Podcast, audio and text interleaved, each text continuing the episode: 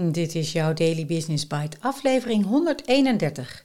Brits bedrijf benoemt moeder natuur tot officieel bestuurslid door Sabine Sluiters op Change Inc. En ik ben je host, Marja den Braber.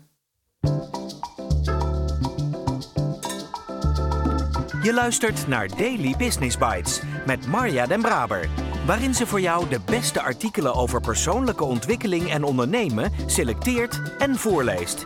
Elke dag in minder dan 10 minuten.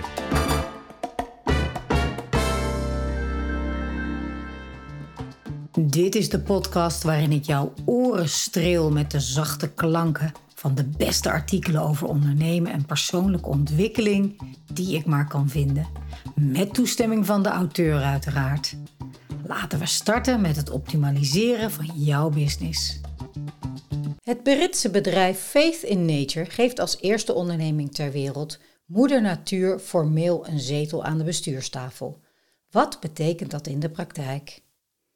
Het bedrijf dat volledig biologische zeep- en schoonheidsproducten maakt, heeft hiervoor zijn juridische structuur aangepast. Daarmee kreeg de natuur formeel een stem en stemrecht op het hoogste beslisniveau in de onderneming en zal moeder natuur naast de CEO en de CFO aan de bestuurstafel zitten. In de praktijk betekent het dat de zetel wordt ingevuld door een rolerend gezelschap van milieuexperts. Zij spreken en stemmen daar namens de natuur.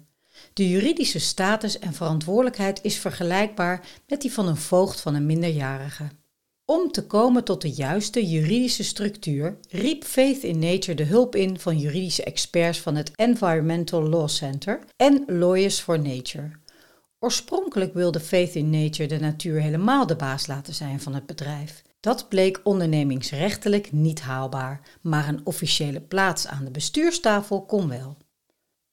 De positie zal als eerste worden ingevuld door Bronte Ansel, de directeur en oprichter van Lawyers for Nature, en Alexandra Panal, directeur van het Environmental Law Center. Zij delen gezamenlijk de elfde stoel aan de bestuurstafel. Het aanstellen van de natuur als formeel bestuurslid borduurt voort op de beweging die juridische status wil geven aan niet-menselijke partijen zoals rivieren en wateren. In 2017 werd als eerste rivier ter wereld de Whanganui River in Nieuw-Zeeland aangemerkt als rechtspersoon. Sindsdien kunnen voogden van de rivieren andere partijen voor de rechter dagen, mochten deze het welzijn van de rivier schaden. In Nederland wordt sinds enkele jaren onderzocht of de rivier de Maas en de Waddenzee een status als rechtspersoon kunnen krijgen. Als ze deze krijgen, zouden vanuit hun naam rechtszaken gevoerd kunnen worden om vervuiling of overbelasting aan te pakken.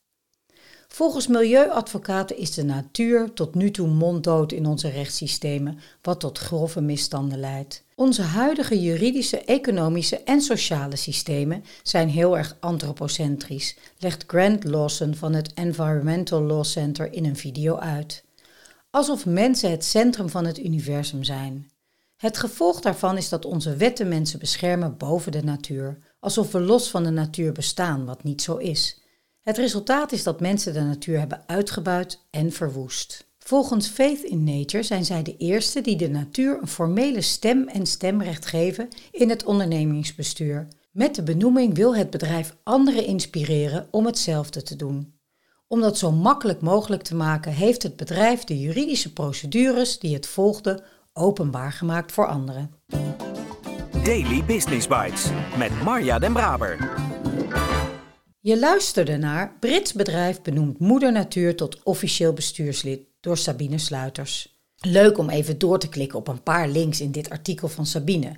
Als eerste naar die van Faith in Nature zelf natuurlijk. De header speelt helemaal op dit onderwerp in. We're the first company in the world to give nature a voice and a vote.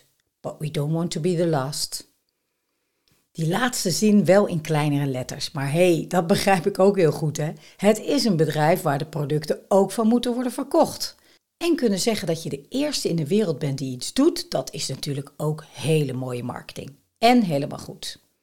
Weer een mooie ontwikkeling. Die past bij afleveringen 85, die gaan over Patagonia, die moeder aarde als enige aandeelhouder benoemt. En 102, een interview van Kees Klomp in gesprek met Karen Maas, bijzonder hoogleraar accounting en duurzaamheid aan de Erasmus Universiteit. Over hoe we het goed kunnen doen in plaats van minder slecht. En dat dat ook allemaal nog niet zo eenvoudig is.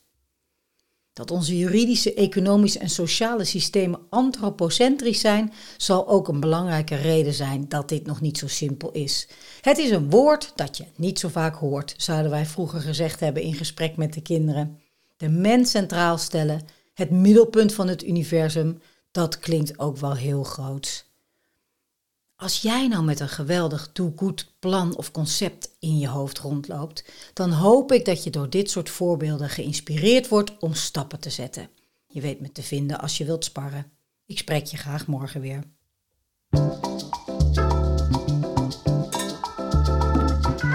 Dit was Daily Business Bites. Wil je vaker voorgelezen worden? Abonneer je dan op de podcast in je favoriete podcast-app. Meer weten? Klik op de links in de show notes.